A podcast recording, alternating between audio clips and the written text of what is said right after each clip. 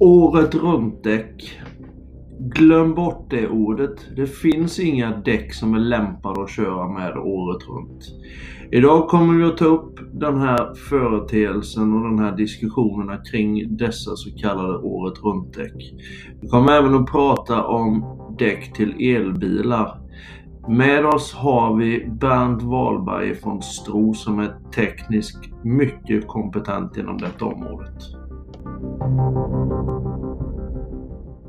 Ja, då har vi med oss eh, Bernt Wahlberg igen ifrån Stro här och jag tänkte prata lite, eller vi tänkte prata lite om just varför man utvecklar däck för olika säsonger och de här bitarna. Och välkommen till Bilverkstadspodden än en gång Bernt. Tackar så mycket. Tackar. Allt är bra med dig idag? Ja då, det är det. Ja, det låter väl alldeles Han har ju försvunnit nu så att vi längtar till våren här. Se. Ja, precis, precis.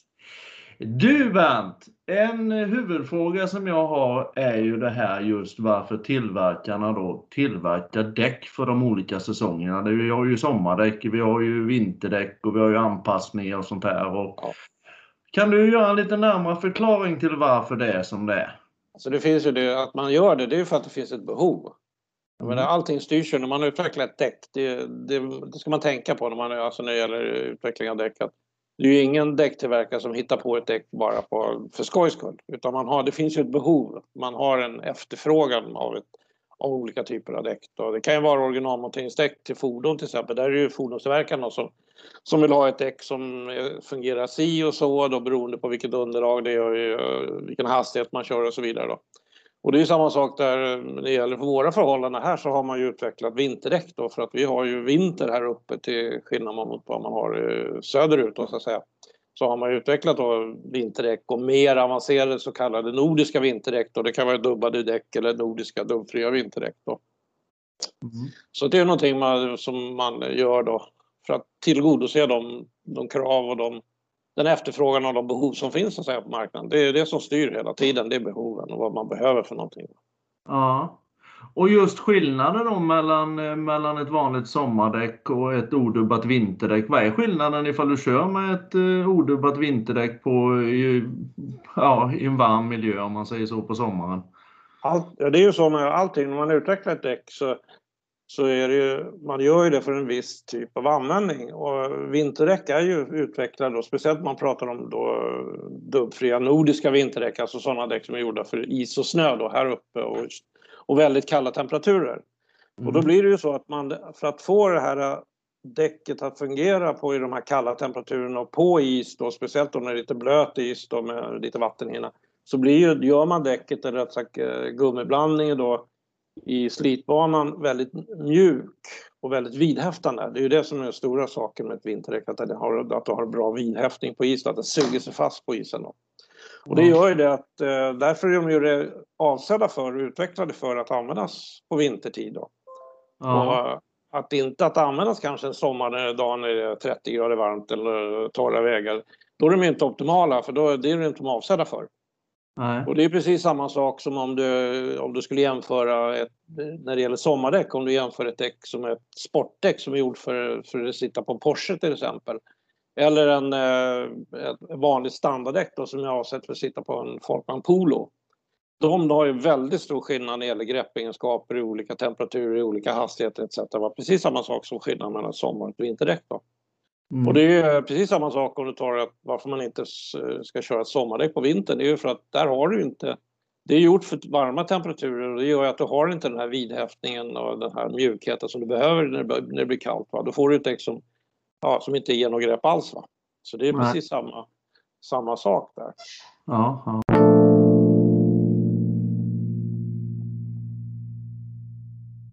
Vi rekommenderar att man använder vinterdäck på vintern och sommardäck på sommaren. Det är ju just för att man får ju den optimala egenskaperna som däcket är utvecklat för. Man får den optimala säkerheten och inte minst så får man den optimala ekonomin. Jag menar, för det är ju så att eh, kör man vinterdäck på sommaren så slits ju de mycket, snabb, mycket fortare än vad ett sommardäck gör.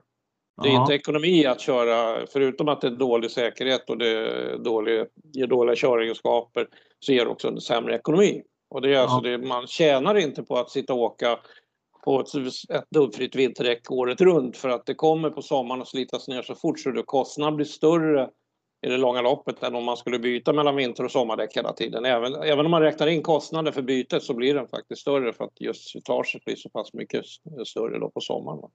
Ja. Eh, när det gäller bromssträckor och sånt här på sommaren ifall du kör ett eh, odubbat eh, anpassat vinterdäck. Eh, det skiljer sig rätt rejält med bromssträckor och sånt också? Det kan skilja ganska mycket, beroende på, helt såklart beroende på vilken temperatur det är. Men en, en, en, eh, en sommardag när det är 8, ja, runt 7 grader ute, vilket är inte är ovanligt, då kanske det inte skiljer lika mycket som en dag när det är 30 grader. Som förra mm. året då när vi hade 32 grader under hela augusti. Då blir det ju så, jag menar, det är återigen det här med utveck däcket är utvecklat för att ge vidhäftning och vara mjukt när det är kallt. Då blir det väldigt mjukt och du får inte den stabiliteten. Alltså gummit orkar ju, slitbanan orkar inte, den viker sig, klackarna viker sig. Du får inte det här greppet mot vägbanan då, mot asfalten som du, du har på sommardäck då, som har styvare klackar och ett helt annat typ av gummi då. Så att säga. Så det, det, som, det gör en skillnad i bromslängd. Sen hur stor bromslängd det beror på vilken typ av däck det är, vilken temperatur det är, är det blött ute etc. etc. Det är många olika parametrar som påverkar men generellt sett så blir det det. Du har inte alls samma eh, bromsegenskaper, nej. Nej, nej, nej. Eh, om vi ska prata om något annat förutom det. När det gäller elbilar och de här bitarna. Mm. Hur långt fram tekniskt har man kommit när det gäller däckutvecklingen på elbilar? Man har, ju, man har jobbat med det ganska länge. Men det, Eh, för eh, de har ju funnits ett, ett tag då, men nu börjar, nu börjar explosionen kommer ju nu med elbilar. Det märker man. Man ser ju det i tidningarna, motortidningar och även ut, ute på vägarna. Då både hybridbilarna och elbilarna. Och där har man ju faktiskt eh, utvecklat en ny serie av däck som man kallar för High Load. Som är HL då, alltså ett HL-däck. Som mm. Det kommer stå HL framför dimensionsbeteckningen då som indikerar att det här däcket är speciellt gjort för högre belastningar. Och det är just för att problemet med, eh, med elbilar är att de här batteripaketen den väger lite grann. Och det gör ju att bilen i sig själv, om mm. du tar en, då en, en normal bil, ta en Volvo ja, V40 eller någonting sånt som väger visst kilo, men när du lägger till då en eldriven sån variant så kommer batteripaketet och det till så blir tyngden mycket, mycket högre. Och mm. med den gamla, med den gamla typen av däck, som man, alltså den gamla typen av däck så, så hade det fått ta en större dimension och det har man inte plats för. Därför har man utvecklat då däck med samma storlek fast med, med en högre belastningskapacitet. Då.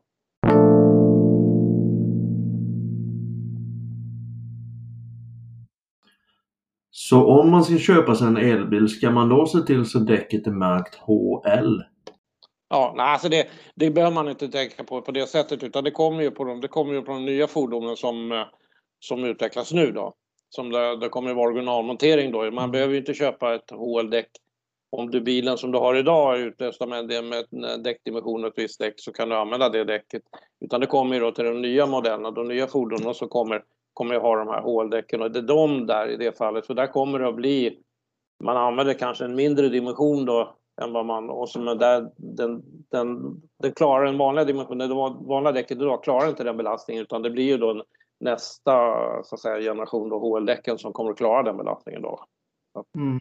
Mm. Det är ganska nytt. Det är faktiskt det är inte många som har tagit fram de här däcken. Alltså standarden är precis introducerad och kommer i Stroboken nu 2021. Då kommer de med. Mm. Men än så länge är det inte så många fabrik fabrikat som har tagit fram HL-däck utan det ligger ju fortfarande på originalmonteringen på de bilar som inte presenterade ännu. Nej, nej. På tal om stråboken, när vi ändå har dig på tråden, eh, när kommer den och var kan man beställa den?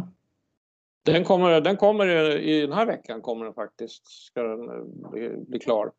Mm. Och då kan man beställa den bara på stro.se kan man gå in på, på vår hemsida. Där finns den beställd. Man klickar på beställboken här bara. Så, att, så skickar vi den direkt så att säga när vi får beställning. Då tackar jag dig Bengt för de eh, lärorika orden och önskar dig en fortsatt trevlig dag. Ja, detsamma.